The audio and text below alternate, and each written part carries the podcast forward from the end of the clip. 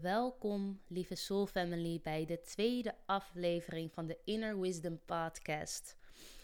Deze podcast is ervoor om jou thuis te laten komen bij jezelf.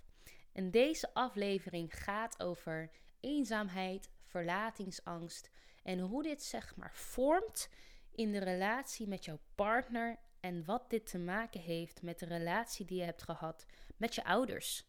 En wat je daar natuurlijk aan kan doen. Heel veel luisterplezier alvast.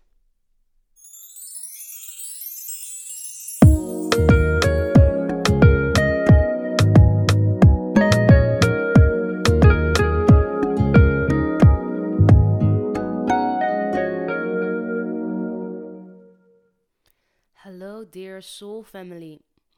Het heeft even geduurd voordat er weer een nieuwe podcast zou komen.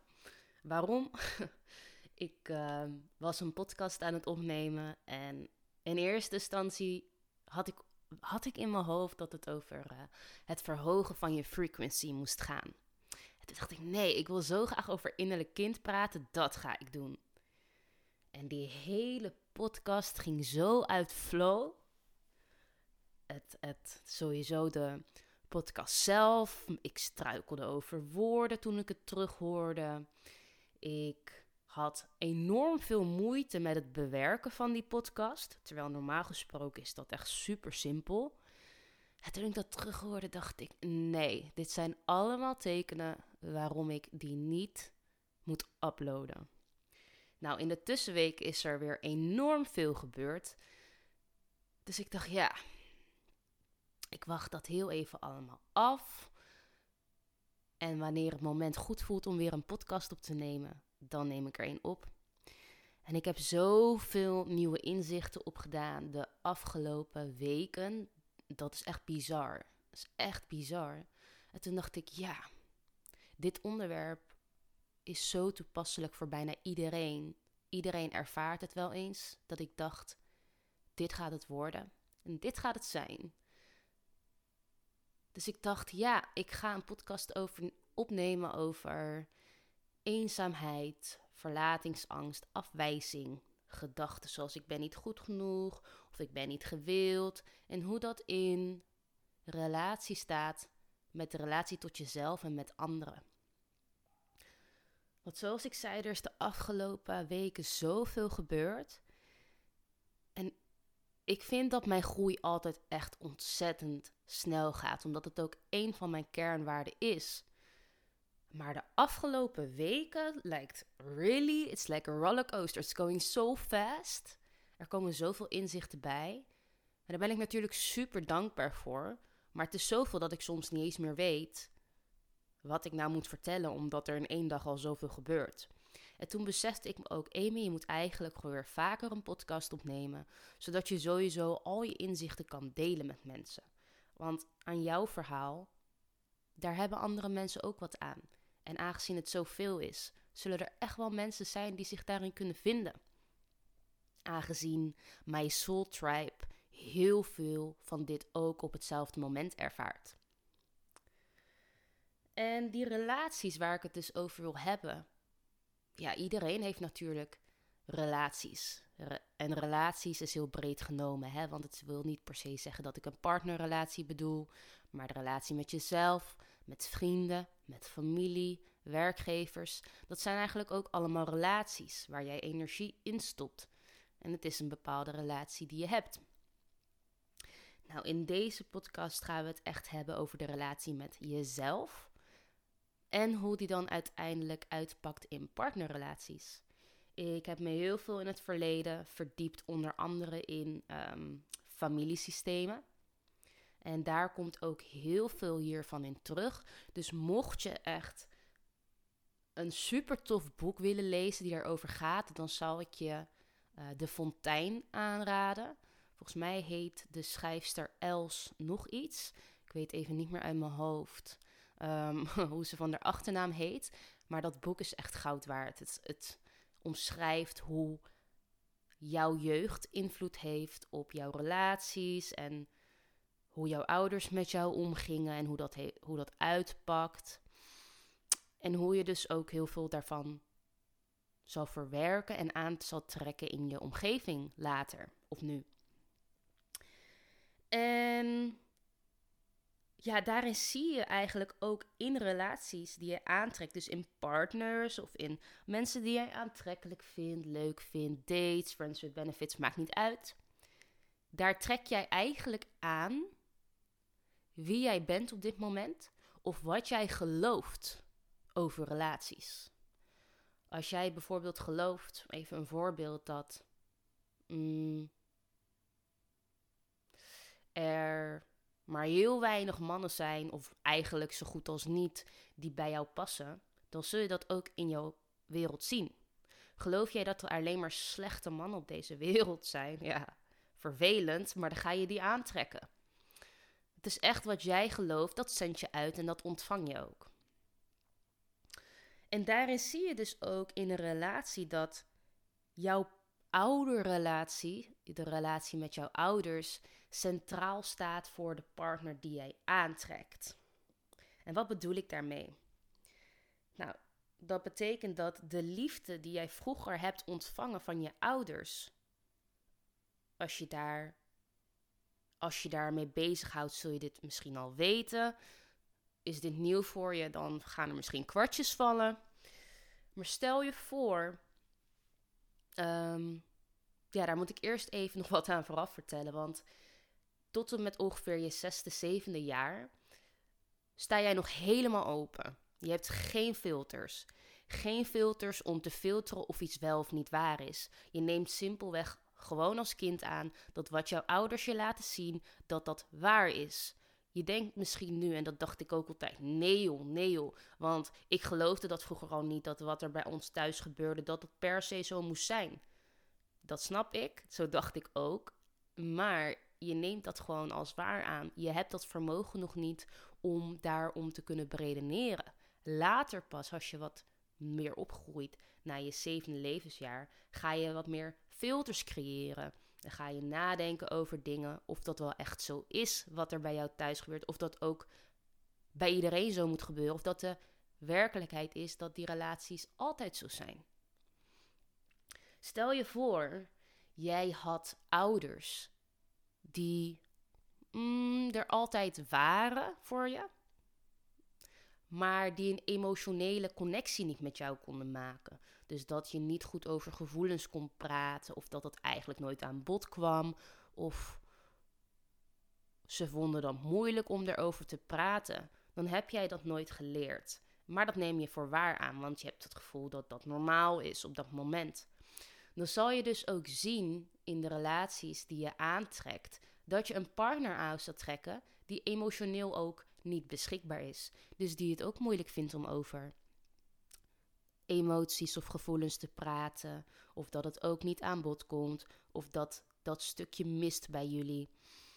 Dat komt simpelweg omdat het zit in jouw onderbewustzijn.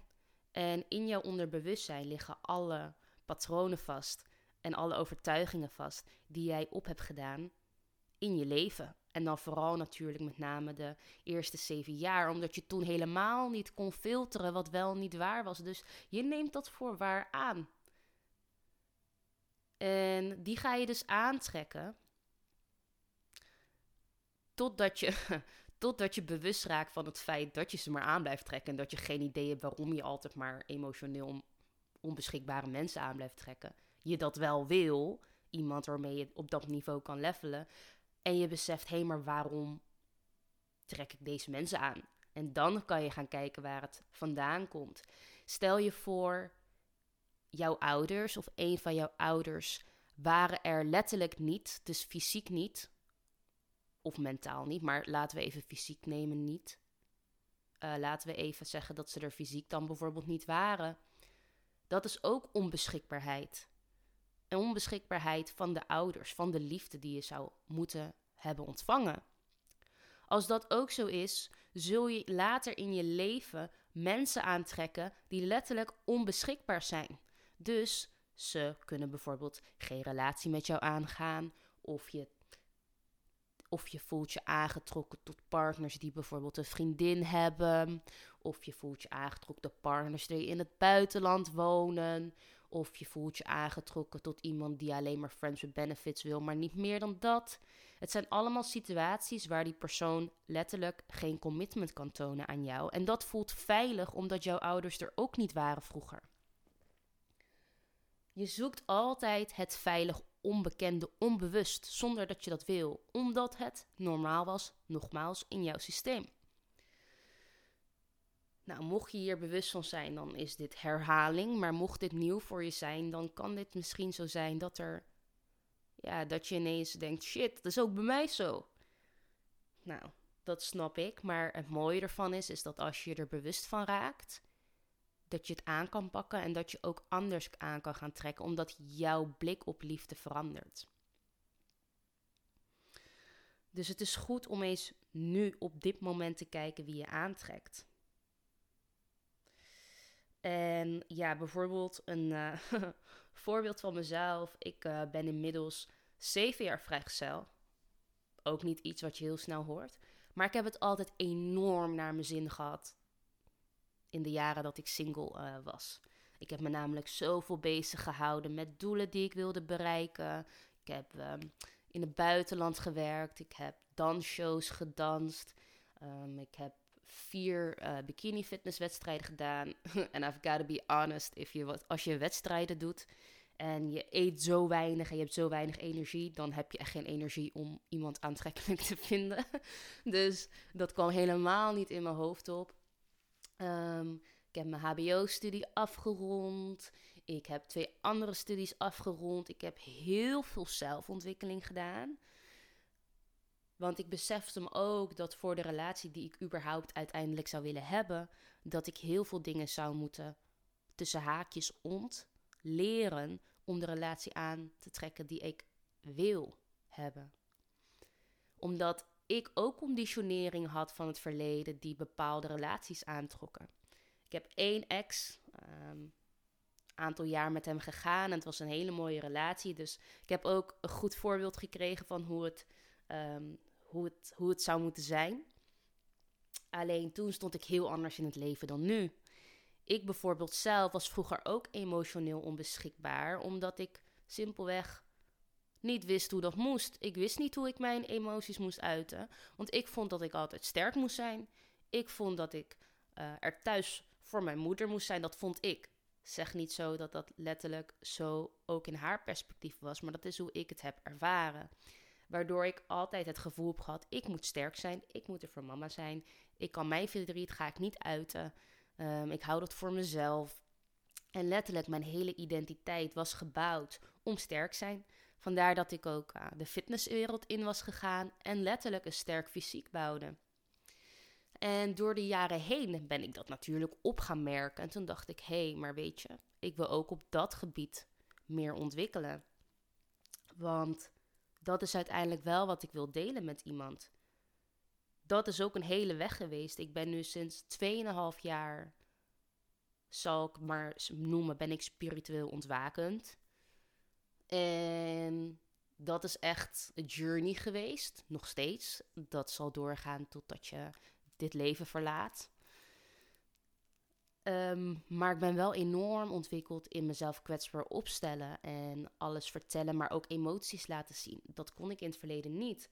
Maar omdat ik dat in het verleden ook niet kon, trok ik dates aan, partners aan, mensen aan die ook niet emotioneel beschikbaar waren.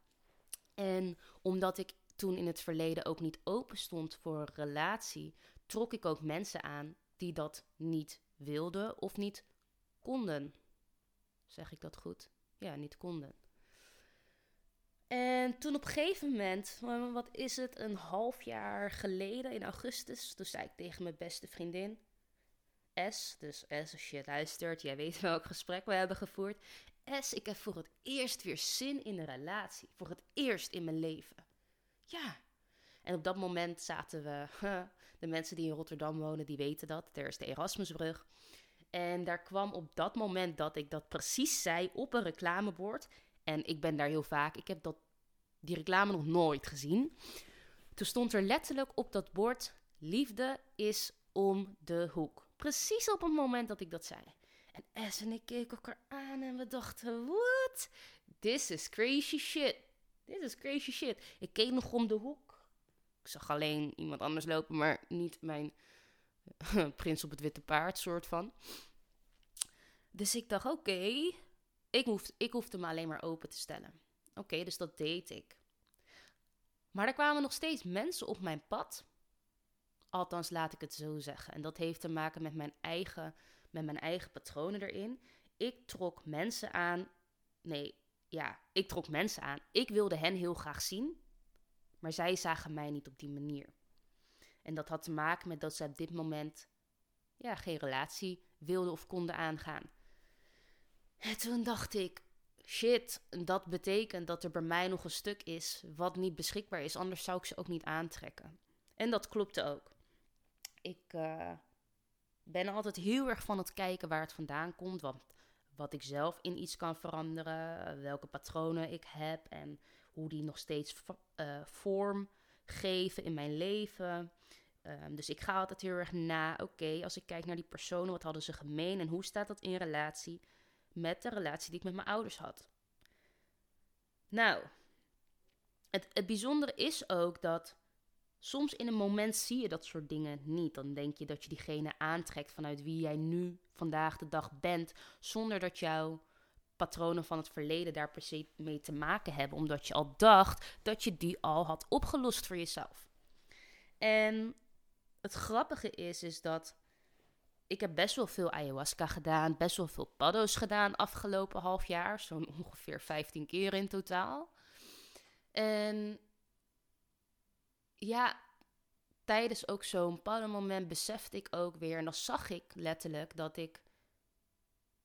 Het maakt niet uit wie er dan tegenover je zit, trouwens. Dat moet ik erbij vermelden, want de persoon die tegenover zit is gewoon de persoon. Maar omdat je dan een heel goed overzicht kan krijgen, letterlijk, want je kan even uitzoomen, kan je zien wat die persoon representeert van jouw moeder of vader, wat je dus in die persoon ziet. Het maakt niet uit wie er voor je zit, al is het je beste vriendin, je vriend, een kennis, iemand die je niet kent, je ziet dat gewoon. En dat ervaarde ik ook weer uh, rond november. Toen dacht ik, shit, ik ben nog steeds de onbereikbare liefde van mijn vader aan het najagen. En daar was ik zo klaar mee, dat ik op een gegeven moment dacht, oké, hier valt nog wat te helen ben er klaar mee, dat wil ik niet meer. Ik had besloten voor mezelf, een aantal vragen voor mezelf neergezet, dat ik voordat ik met iemand zou gaan daten, dat ik zou willen weten of ze open, überhaupt open stonden voor iets. Want dat vroeg ik in het verleden nooit. Ik ging er gewoon in mee, automatisch. Uh, automatisch mee in het, in het daten, zeg maar. Zonder dat ik wist of iemand open ervoor stond. Dus dat zou ik, dat zou ik ten eerste al willen weten. En ten tweede, zou ik mezelf accepteren in mezelf, in alles wat ik ben en wat ik doe. In wat, alles wat me heeft gemaakt tot de dag van vandaag. In de kwetsbaarheden, in mijn sterktepunten natuurlijk. Uiteraard alles gewoon van mezelf. Ten derde zou ik mijn behoeften uitspreken, want dat is wat ik in het verleden nooit deed. Ik slikte mijn behoeften in omdat ik dat niet durfde. Omdat ik dat in mijn jeugd ook nooit durfde te doen, omdat tenslotte mijn vader weg was gegaan en ik dus al niet eens mijn behoeften uitsprak. Dus dat deed ik ook maar niet bij andere mensen, want dan zouden ze misschien ook wel weggaan. Dan zou ik te veel zijn voor ze. Dat was mijn, ja, wil ik het een trauma noemen? Dat was mijn trauma die ik mee had genomen, dat ik te veel was. Want daar moet je bij voorstellen, dat is even weer een side note. Ik heb altijd heel veel side notes, maar er is altijd zoveel dat ik wil vertellen op een verhaal dat ik wil vertellen. Mensen die mij kennen, die weten dit. Als jij als baby geboren wordt, ben je helemaal heel. Dus jij bent alleen maar liefde. En ouders kunnen het kind, de baby, nooit 100% in zijn behoeften voorzien. Dat kan gewoon simpelweg niet, want een ouder kan niet 100 van de 100 keer klaarstaan. Um, en in de behoefte voorzien waar het kind het nodig heeft. Dus ieder kind ervaart momenten dat hij niet gezien, gewild, gehoord of erkend werd. Dat is bij iedereen zo. Dus op een gegeven moment, tuurlijk, ervaarde ik dat ik niet de liefde ontving die ik op dat moment wilde. Wat iedereen ervaren zal hebben. Dus ik voelde me al snel te veel, want ik had het gevoel toen mijn vader bijvoorbeeld, dat ik toen ik hem minder ging zien, ehm, dat, dat er andere dingen belangrijker waren dan ik. En dat ik te veel was. En zo zijn er ook dingen gebeurd met mijn moeder, waardoor ik ervaarde dat ik te veel was. Dus ik ervaarde dat in mijn essentie mijn vorm van liefde te veel was. Daarbij moet ik zeggen dat de relatie met mijn moeder vandaag de dag perfect is. Um, kijk, er zijn altijd dingen in het verleden gebeurd, zijn altijd fouten gemaakt door iedereen, maar daar hebben we het over gehad. We hebben elkaar, tenminste, ik heb haar vergeven. Ehm, zij ook mij voor dingen die ik heb gezegd. En met mijn vader is dat ook zo. De laatste drie jaar van zijn leven heb ik een heel mooi, hele mooie tijd met hem heb gehad. En waar hij alles drie dubbel dwars goed heeft gemaakt. Maar dat wil niet zeggen dat de dingen die ik vroeger mee heb gemaakt, dat die niet pijn hebben gedaan. En daar ben ik ook eerlijk over. Dus terugkomend erop, heb ik ook ervaren dat ik te veel was in mijn jeugd. En dat gaat zich dan weer nestelen in het uiten van die behoeften in je partnerrelatie. Want daar mag je dat dus nog leren om dat te doen. Want je, in je partner zul je terugzien waar je in het verleden moeite mee had. Ook in je ouders, maar ook met andere partners. Ehm, dus op een gegeven moment, toen had ik die beslissing voor mezelf genomen. Oké, ik accepteer mezelf helemaal in wie ik ben. Ik spreek al mijn behoeften uit. Ik, ik ga alleen nog maar met mensen die beschikbaar zijn. En volgens mij was er nog iets, maar in ieder geval dat waren belangrijke stappen voor mij om te nemen. Totdat ik uh, ja, met een uh, hele goede vriend van mij besloten had om toch iets verder te gaan. Uiteindelijk is dat niet het geworden. Maar daar heb ik zo extreem veel lessen uit geleerd. Daarom is het zo belangrijk dat het maakt niet uit. En dat is voor jou en voor iedereen die dat luistert. En voor mezelf is het maakt niet uit hoe lang iets duurt. Of je nou date met iemand of je een relatie hebt. Of het lang of kort duurt. Het gaat erom hoe erg jij geïnteresseerd bent om te groeien. En hoe je door, door je pijnen durft te gaan. En dat je alles durft aan te kijken. Ik bedoel, ik heb jaren een relatie met iemand gehad. Maar daar sloot ik me voor die groei af. Omdat ik dat niet aan durfde te gaan. Ik was me er ook niet bewust van. Maar in deze korte tijd dat ik met die persoon uh, was, heb ik zo extreem veel geleerd over mezelf. Wajo. En daar komt dus ook ja, de afgelopen week heb ik zoveel geleerd over verlatingsangst, over eenzaamheid, over afwijzing, over de overtuigingen van ik ben te veel of ik ben niet goed genoeg, et cetera. En daarvoor dacht ik, ik moet dit delen met jullie. En ook in die aantal weken werd ik getriggerd in mijn verlatingsangst. En ik dacht, we hadden bijvoorbeeld, eh, hadden paddo's gedaan en toen zag ik gewoon eigenlijk weer, het was heel leuk, maar ik merkte en dat ik het moeilijk vond om mijn emoties weer uit te spreken. Dat, dat kan ook zijn omdat de andere persoon daar misschien niet zo veel over sprak als dat ik dat fijn had gevonden. Maar dat is een les voor mezelf natuurlijk. Ehm, en we hadden achteraf hadden we een gesprek uh, waarin mijn innerlijk kind werd getriggerd dat hij toch nog bang was om verlaten te worden. En toen dacht ik, shit, ik heb er al zoveel aan gewerkt, daaraan, aan dat stuk. Ik heb uh, sessies gedaan, Pado-sessies. Ik heb heel veel sessies gedaan om aan die verlatingsangst te werken. Maar verlatingsangst is een van de diepste wonden die je kan hebben als kind. Want het doet enorm veel pijn als de ouders die, als jouw ouders, weggaan. Dat zijn letterlijk de mensen die jou alles zouden moeten kunnen geven. En wie heeft jou lief als jouw ouders dat niet hebben. En dit is niet dat ik dat nu geloof de dag van vandaag, maar dat is wel hoe een kind nadenkt. Misschien niet letterlijk, maar het gevoel dat het krijgt. Dus ik dacht, shit, ik moet daar nog meer aan gaan werken. Nou ja, zo bewust als dat ik ben, ga ik er altijd gelijk mee aan de slag. Want ik denk, ja, daar valt werk, uh, werk uit te halen. Daar, daar is verwerking nodig, nog dieper gaan. Dus dat deed ik. En toen besefte ik me een aantal dingen en verlatingsangst, daar ga je altijd heel erg focussen op de ander. Uh, sommige mensen vragen letterlijk zich af: Oh, gaat hij mij niet verlaten? Oh, dit en dat, zus en zo. Ik merkte niet zozeer op dat ik bang was dat iemand wegging, maar ik merkte wel op dat mijn focus heel veel op de ander lag. En toen dacht ik, wauw, je bent dan continu eigenlijk met je hoofd aan, bij die ander. Dus, oh, even een berichtje sturen. Oh, ehm, zullen we dan afspreken? Oh, zullen we dit? Oh, wat is diegene aan het doen? Oh, zullen we even bellen? Dat is wat je ego ook doet. Je ego raakt attached aan dingen. Dat is al, wat dat ego altijd doet. Uh, bezittingen hebben en daar heel erg gehecht aan raken. Want als iets het kwijtraakt, hoe, dan gaat het ego dood. Nou, zo gaat je ego ook attached raken toe, aan naar bepaalde personen of eigendommen die je hebt. En toen ik dat opmerkte, dacht ik: Maar dit wil ik helemaal niet, want ik ben bewust daarvan en ik wil zorgen dat die, die innerlijk kindblik daarop, dat ik veel met de ander bezig ben, dat dat weggaat. Want waar komt het in essentie vandaan?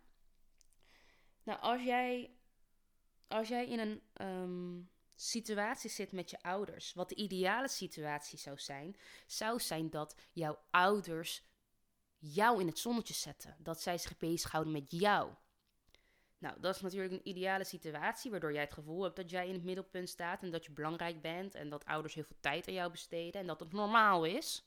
In heel veel situaties is dat niet zo. Laten we zeggen bij heel veel situaties. Daarbij is vaak zo dat een kind um, zorgen of verantwoordelijk op zich neemt en dat die vaak op de ouder let.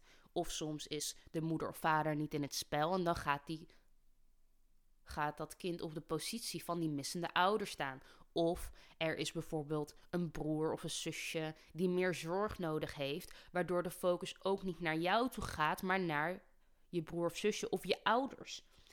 Dus wat er gebeurd is, is jij bent gewend geraakt dat de focus op de ander ligt in plaats van op jezelf. En dat gebeurt dus ook in die relatie met je partner. Je gaat meer op de ander focussen. Wat gebeurt er in plaats van dat jij de hero in jouw verhaal bent, in jouw leven, switch jij naar dat de andere persoon de hero in jouw leven is? Shit, ja. Dat gebeurt heel vaak. Dus het is niet raar als dat alleen bij jou gebeurt, dat je denkt: hey shit, dat gebeurt ook bij mij. Maar dat gebeurt bij heel veel mensen. En ik merkte dat dat gebeurde.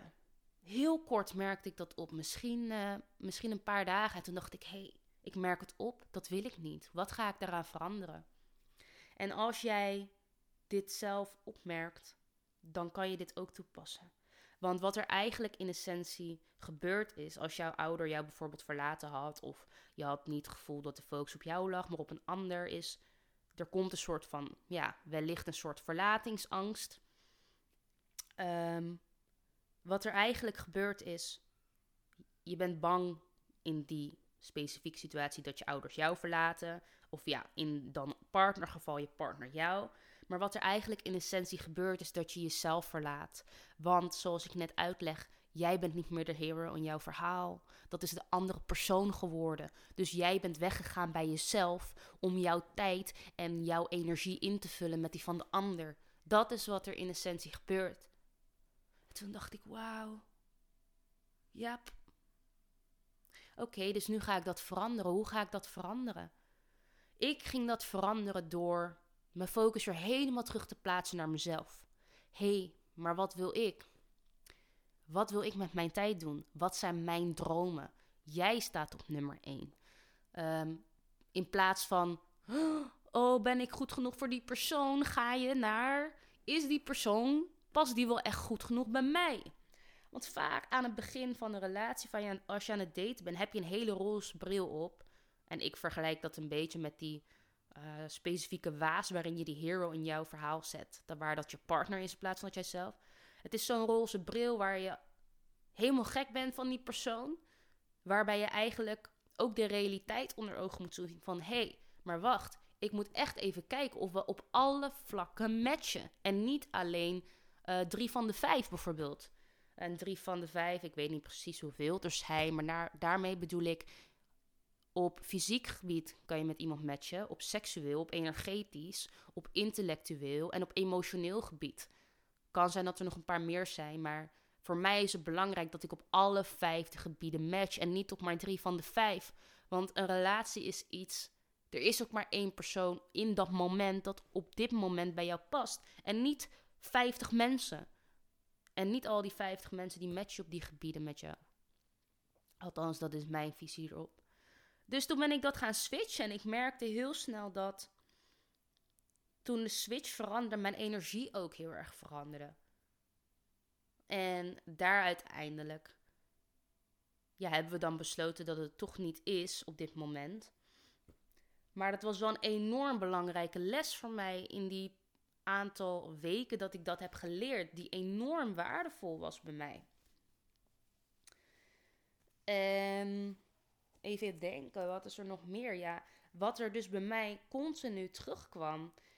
Ik had altijd het idee, kijk, ik ben een heel zelfverzekerd persoon. Ik hou van mezelf. Ik ben blij met wie ik de dag vandaag ben geworden. Ik ben trots op wat ik mee heb gemaakt en hoe ik daar vandaag op de dag in sta.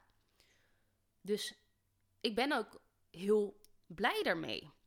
Maar als jij, en dit is wat ik laatst ook in een andere podcast hoorde, hoe jij in het dagelijks leven staat, dat is heel anders dan als jij in een relatie gaat.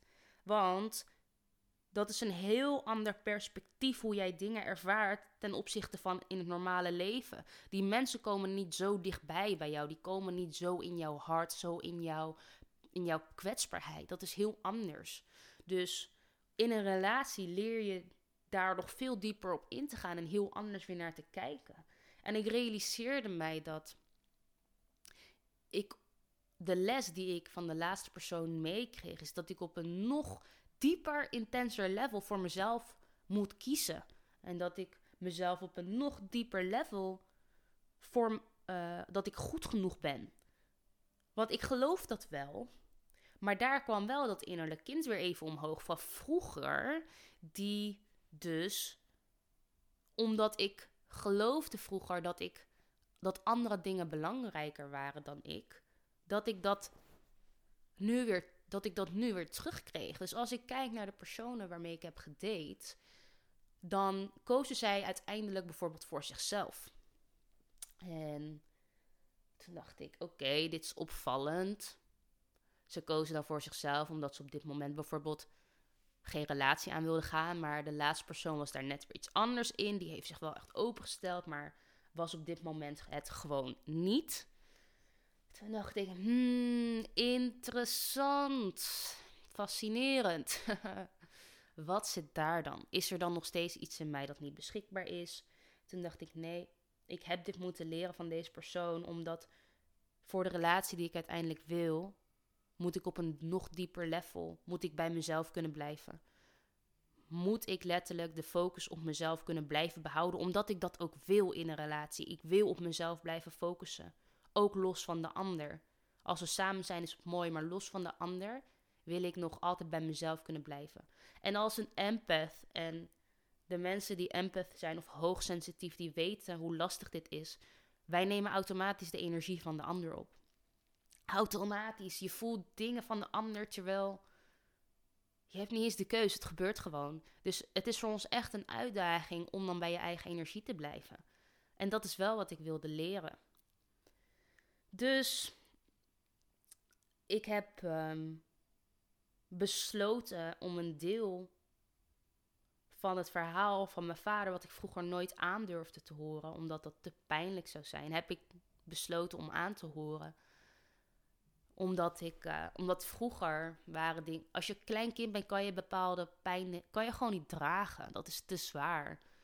Maar ik besefte me wel dat donderdagmiddag dat de dingen die je niet wil horen, die je het liefst wegdrukt, daar zitten jouw meeste pijn, maar dus ook een grote les. En ik besefte me dat ik echt moest horen dat mijn vader voor iets anders koos. Hij koos voor iets anders en mijn gevoel daarbij was, want daar gaat het in essentie om. Iets anders was belangrijker dan ik. En als ik dit verhaal onder ogen kon komen en ik dit dus ook kon horen, hoefde ik dat niet in elke relatie meer aan te trekken, want dat is hetgene wat ik nog onder ogen moest zien.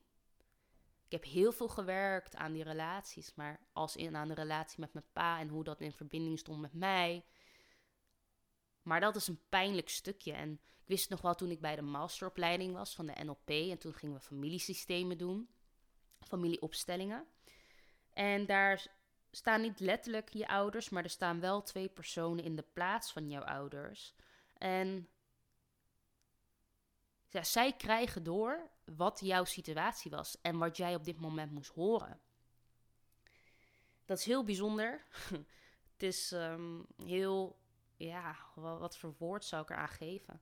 Magisch, want het klopt altijd, maar het is niet wetenschappelijk te vertellen waarom het zo werkt. Het is gewoon zo. Het is iets energetisch. En ik stond daar en ik was al heel veel bezig op dat moment met mijn vaderrelatie. En ik wist, deze dag gaat de bom barsten. En dan bedoel ik meer in verdriet, nooit zozeer in boosheid. Ik ben nooit heel erg boos. En er was een moment en toen ehm, stonden ze achter mij en toen voelde ik dat mijn, tenminste, dat is wat die persoon in mijn moeders positie en de, vader, in en de persoon in mijn vaders positie me vertelde, was dat mijn moeder was, voelde heel wankel. Die had heel veel, ja, die had gewoon heel veel pijn en zorgen op het moment zelf. Dus die kon mij niet dragen. Dat was, zij zei dat ook letterlijk. Ik wilde het wel, maar ik kon het gewoon echt niet. En de persoon in mijn vaders positie die zei: Ja, nou ja, als jij het niet doet tegen mijn moeder, dan doe ik het ook niet. En die kwam heel erg binnen, want ik wilde het juist zo graag van mijn vader hebben en zien. En dat antwoord dan krijgen was precies wat ik nodig had. Want mijn innerlijk kind die wilde die waarheid niet onder ogen zien, omdat het te veel pijn deed om dat binnen te krijgen. Dus ja, toen moest ik huilen. Want tuurlijk, dat doet pijn als je dat hoort. Dus dit zijn allemaal puzzelstukjes van mijn eigen verhaal. Die ik dus nu tot de dag van een aantal weken geleden nog aantrok, omdat ik daar nog wat te leren had. En dat wil niet zeggen dat je daardoor niet de relatie aan kan gaan, want je kan heel goed groeien met iemand in een relatie als je daar beide voor open staat. Maar betekende wel, kijk, ik heb met mezelf afgesproken dat ik een bepaalde relatie graag wil met iemand die helemaal fully beschikbaar is. En daarvoor moeten eerst ook alle delen van mijzelf beschikbaar zijn. Zodat ik open sta voor alles om te delen. En dat we daar heel kwetsbaar en open in kunnen zijn. En dat we echte intimiteit kunnen opbouwen. En daarvoor moest ik eerst nog dit leren om op nog dieper level voor mezelf te kiezen. En toen dacht ik, ja. En net had ik een hele mooie meditatie waarin ik mijn vader had uitgenodigd zelf. En toen besefte ik me ineens een hele mooie les en een hele mooie, een heel mooi cadeau die ik kreeg. En dat is dat vroeger heb ik gezien hoe liefde niet moet. Vroeger heb ik gezien hoe ik mijn eigen waarde aan de kant heb geschoven om die onbereikbare liefde achterna te gaan dat heb ik van mijn vader moeten leren, maar ook van mijn moeder. En nu heb ik ook mogen leren, en de laatste drie jaar van mijn vader zijn dat, en nu met mijn moeder, wat echte liefde dan wel is. En echte liefde heb ik vooral geleerd door mijn eigen proces en wat dat dan betekent en ehm, hoe je dan ook in hoe de liefde in jouzelf zich ontvouwt en hoe je dat naar andere personen uit. En dat ik dat nu wel mag leren, waardoor ik ten alle tijde kies voor mijn eigen waarde. En dat als de persoon dat tegenover mij simpelweg niet ziet, ja, that's his loss. Maar dan heb je een heel ander perspectief op het verleden waarin het was, iets anders is belangrijker dan ik. En nu dat ik geloof, ja, als jij mijn eigen waarde niet inziet, dan gaan we hier niet verder. Dat is een heel, heel ander perspectief, waardoor je ook heel anders gaat voelen. En je dus ook niet meer specifiek dat hoeft aan te trekken in een relatie, want jouw focus is geswitcht van twee verschillende perspectieven, van de een naar de ander. En dat besefte ik me vanochtend en dacht ik, wauw, dank je wel. Dank je wel dat ik dit heb mogen leren. Maar ook dat ik dit weer door mag geven aan andere mensen, want ik weet 100% zeker dat er zo enorm veel mensen kampen met dit. Zo enorm veel. Want of je nou verlaten bent of niet, of dat je ouders niet beschikbaar waren mentaal fysiek. We hebben hier allemaal wel problemen mee op vaak, ik zeg niet altijd, om ons op een bepaalde manier te openen. Want kwetsbaarheid is iets heel moois, maar blijft altijd spannend hoe vaak je het ook hebt geoefend, het blijft altijd spannend, want je legt jezelf bloot. Tja. En wat, wat ook heel veel de laatste tijd aan, aan bod is gekomen, is het onderwerp eenzaamheid. Vooral in deze periode waarin we nu leven, is er enorm veel eenzaamheid. Mensen die zijn, ja, die zijn ehm, uit verbinding met andere mensen. Ze kunnen letterlijk vaak ook niet, want het wordt ons ook in soort van vorm verboden. Of het wordt ons heel moeilijk gemaakt om met andere mensen te verbinden. Waardoor mensen zich toch gauwer eenzaam voelen. En sommigen van ons hebben eenzaamheid ook al in hun jeugd ervaren. Waar ze het gevoel hadden dat ze alleen waren. En dat ze niemand hadden die hen snapte. Of, ja, of gewoon gedurende je leven. Dat hoeft niet per se in je jeugd, kan ook later. En ook, ik, had, uh, ik heb mijn eigen toffe spirituele coach. Ze is echt super awesome. Ik uh, heb twee sessies bij haar gehad tot nu toe en blijf daar ook. Want zij begeleidt ook coaches. Dus vandaar dat ik het ook zo tof vind om met haar samen te werken. Want ik leer ook weer heel veel van haar. En we hadden in eerste instantie hadden we een, uh, geboortesessie. Daar, als jullie mij op Instagram volgen, heb ik daar al een paar keer iets over gedeeld. En mijn les voor dit leven. Ik hoorde toen ik die geboortesessie was alleen. Maar ik wist nou niet of ik. Met alleen konden voor mij twee dingen betekenen. Namelijk of ik. Want mijn missie is om tot liefde en licht te komen en dat ik dat deel met de wereld. Ik wist niet of mijn les was om alleen zelf tot liefde en licht te komen en dat dan te delen met anderen. Of dat ik alles in mijn leven alleen zou moeten doen zelf zou voor alles zou moeten zorgen en de rest van mijn leven ook alles alleen zou moeten doen. Toen zei ik, ja, eigenlijk hoop ik niet dat laatste, want ik vind het niet erg om alleen te zijn, maar ik vind het ook wel leuk om met iemand samen te bouwen. Zei ze, nou, rustig maar, dat is niet zo. maar we hadden een gesprek over mijn Indische oma. En ik lijk twee druppels water op mijn Indische oma. Zij was ook enorm spiritueel, enorm wijs, enorm rein van geest. En ik heb haar nooit gekend, maar wij lijken net. Ja, wij lijken heel erg op elkaar. Het is ook net. Is maar net of je erin gelooft. Maar heel veel mensen zeggen. Ja, het is net of je de reïncarnatie van je oma bent. Nou, daar ben ik op zich heel blij mee, want het was een hele mooie vrouw van de foto's ook die ik zie. En de enorme wijsheid die zij in haar meedroeg. En ja, zij was super spiritueel en dat vind ik ook super tof. En toen, ja, toen dacht ik, ja, dat vind ik wel mooi. Um, en toen zei zij ook, mijn coach, dat mijn oma mij begeleidt door het leven. En het bijzondere is, is dat ik dat altijd heb gevoeld. Zonder dat ik haar heb gekend of zonder dat ik specifiek contact met haar heb gelegd. Ik heb dat altijd gevoeld. Maar zij zei dat de eenzaamheid, dat alleen zeg maar, dat dat ook voor een groot gedeelte met haar te maken heeft. En dat als ik meer contact met haar zou maken, dat ik daar ook meer over zou leren. Want wat er in vorige generaties niet is geheeld, krijg jij mee in de volgende generatie. Dat wikkelt zich om jouw ziel heen en dan heb jij dit te verwerken in dit leven. Ja. Je kan zeggen dat dat niet leuk is, maar goed. That's, that's just how it works. Wanneer je weet dat iets van een vorige generatie is in plaats van jou, kan je dat scheiden en dat met liefde teruggeven aan ze. Maar vaak zijn we heel vaak onbewust van bepaalde dingen. Dus die eenzaamheid, daar had ik het ook heel even over gehad. Omdat de eenzaamheid heb ik zelf heel lang niet ervaren. Omdat ik ja, zoveel dingen in die zeven jaar tijd, of eigenlijk sinds mijn dertiende, eigenlijk sinds mijn dertiende heb ik besloten dat ik mijn leven in wilde richten in hoe ik dat wilde. En dat ik alleen nog maar zou doen wat ik leuk zou vinden. En dat ik al mijn dromen na zou jagen. En blij met mezelf zou worden en dat niemand anders er invloed op zou hebben. Dat had ik op mijn dertiende besloten, omdat ik best echt wel heel veel pijn heb gehad daarvoor en dat wilde ik niet meer. Maar ook ik heb me in mijn jeugd heb ik me eenzaam gevoeld. Maar daar kom ik niet meer zo letterlijk bij. Dus eenzaamheid is iets wat heel veel terugkomt nu. Omdat dit getriggerd wordt, zowel in dit moment, maar ook van iets in het verleden.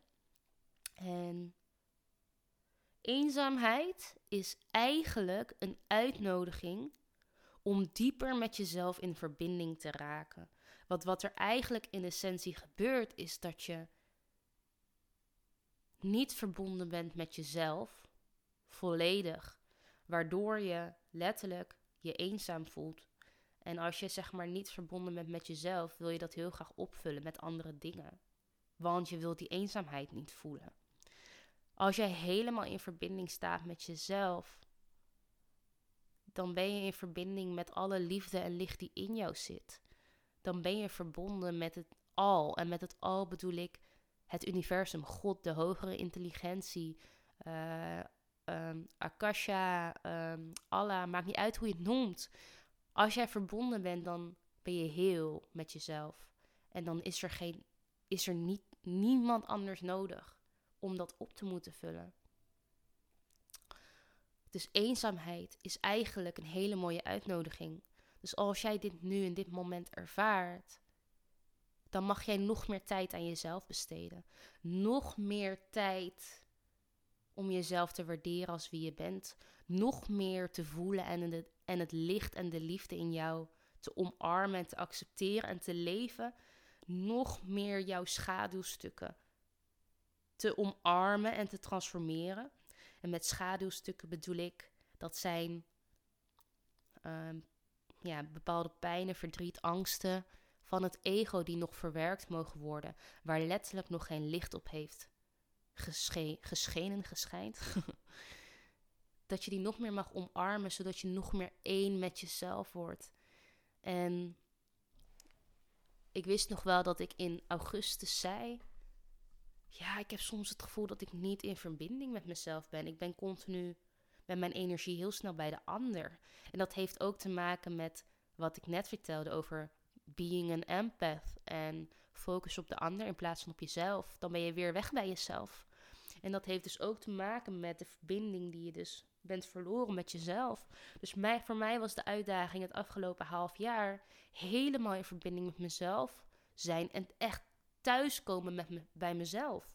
En dat thuiskomen bij mezelf is niet een journey geweest van een half jaar. Het is een journey geweest van heel veel verschillende stappen die me uiteindelijk dichterbij hebben gebracht. En dat het uiteindelijk makkelijker is geweest om in verbinding met mezelf te raken. Maar eigenlijk heb ik die verbinding met mezelf vroeger nooit gehad. Dus het was ook mijn grootste uitdaging. Dus ja, het is het zijn, het zijn zoveel lessen die in de afgelopen weken bij mij binnen zijn gekomen. Want weet je wat het is? Heel vaak heel je, net zoals die lagen van die ui, je, je heelt lagen van jezelf.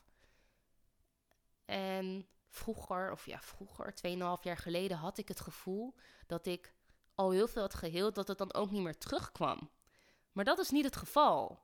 Want je gaat weer een laag dieper, waardoor je het op een diepere laag gaat helen. Soms hoor ik bijvoorbeeld wel eens dingen bij mensen en dan denk ik, nee joh, dat is niet, op dat is niet van toepassing op mij. Puntje bij paaltje, als ik bij een specifiek punt aankom, dan is het wel zo. Dan denk ik, ah shit, nu snap ik het. Nu snap ik wat die persoon bedoelde. Nu voel ik dat. ja, het is echt bijzonder hoe dat soort dingen werken. Hm.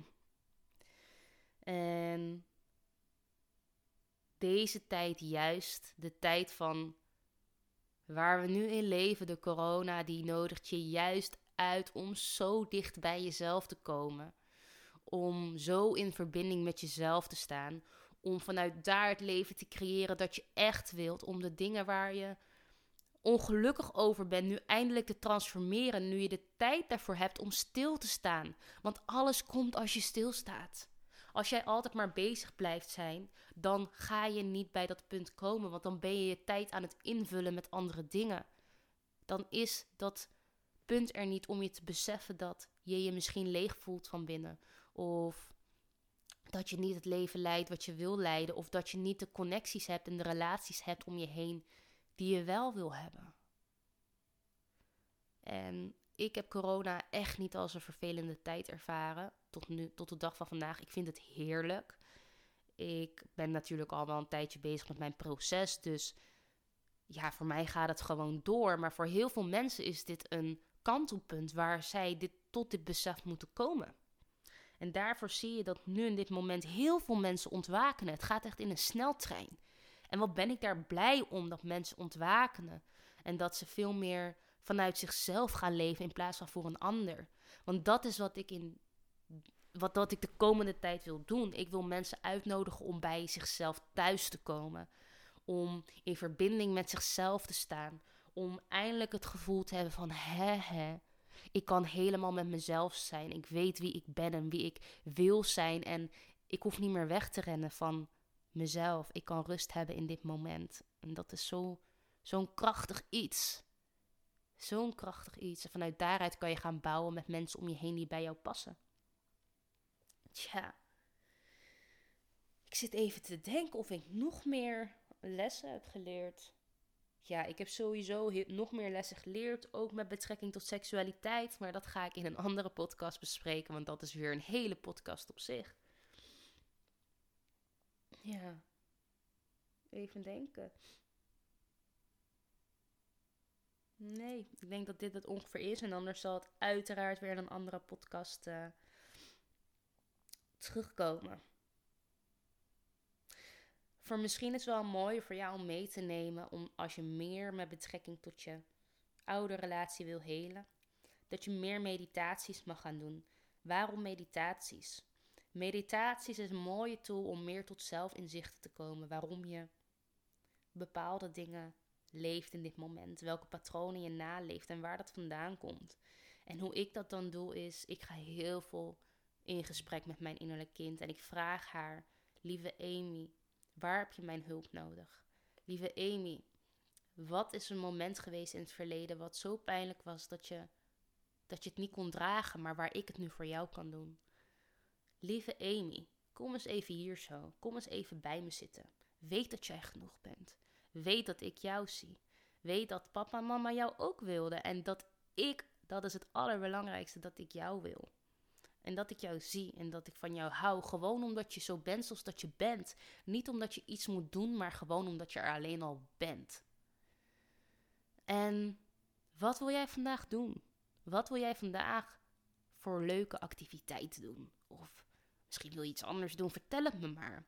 En als je liefde wil, hoe kan ik jou die liefde geven? dat zijn voor mij dingen die ik gebruik heel veel reflecteren, schrijven, maar vooral heel veel, heel veel meditatie.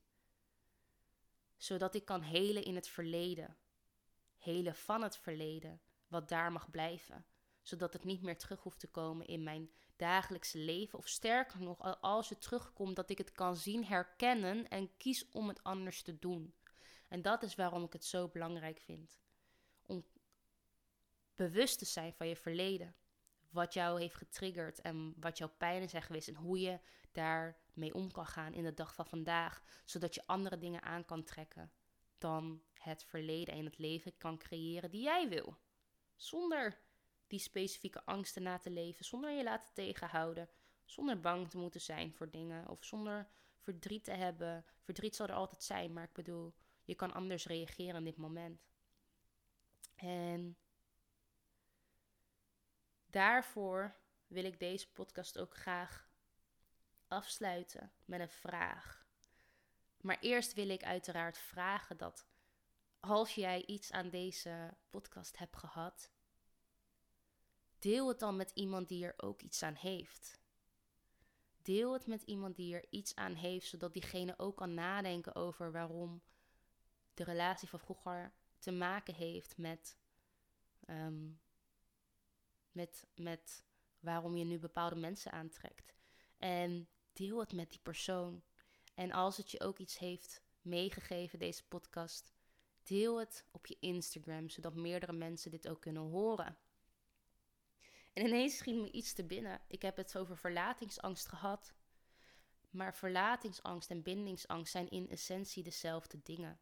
Het is het letterlijk beschikbaar stellen van jezelf op alle vlakken. En verlatingsangst geeft zich dan in de vorm weer dat diegene bang is om verlaten te raken, uh, verlaten te worden. En degene met bindingsangst wil zich niet binden, omdat die uiteindelijk ook bang is om diep van binnen iets kwijt te raken, uh, verlaten te worden. In essentie, in de core is het allemaal hetzelfde. En als je hier nog dieper over op in wil gaan, dan is Liefdesbang ook een heel goed boek om op terug te komen. Uh, want daar gaat er een heel boek over en ik leg het natuurlijk maar heel kort uit. En ik heb wel heel veel hierover verteld in de podcast. Ik zal ongetwijfeld zo ook niet alles verteld hebben. Dus daarom geef ik je ook graag de boeken mee die mij en andere mensen heel erg hebben geholpen in informatie daarover te vinden. Um, dus ja, deel het met iemand als het je iets heeft gegeven. En daarmee wil ik afsluiten met de volgende vraag. Na al deze informatie die je hebt gegeven, ga dan eens na bij jezelf wat jij continu terug ziet komen in jouw relaties met eventuele partners, dates, friends with benefits, mensen tot wie jij je aangetrokken voelt, of gewoon mensen die op jouw pad komen die interesse in jou hebben. En wat is daar het verband in? Durf en probeer het onderliggende patroon te zien. Wat zijn de eigenschappen van deze persoon? Uh, hoe voel jij je erbij? Uh, hoe open zijn zij? Hoe gesloten zijn zij? Wat durven zij te delen? Wat niet? Uh, durven zij commitment aan te gaan? Durven ze dat niet? Gaan zij helemaal voor jou? nemen ze de tijd om je te leren kennen? Etcetera. En wat is daar het verband tussen met betrekking tot jou en jouw ouders? Lieve Soul Family, hartstikke bedankt voor het luisteren. Um, ja, en ik zie jullie volgende keer weer terug.